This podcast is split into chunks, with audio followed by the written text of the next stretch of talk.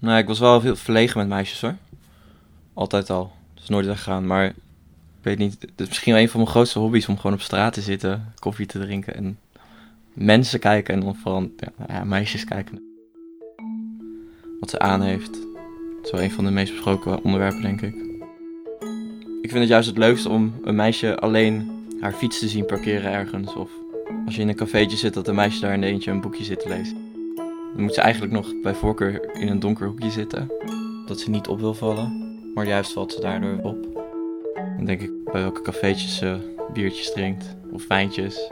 Wat ze zou studeren. Wat ze in de vrije tijd doet. Wat voor type meisje is het nou? Dan heb je in dat korte minuutje heb je dan even bedacht wat je van zo'n meisje vindt. En dan heb je een heel romantisch idee voor jezelf gemaakt. Maar ze blijven op afstand, want ik durf nooit op af te stappen.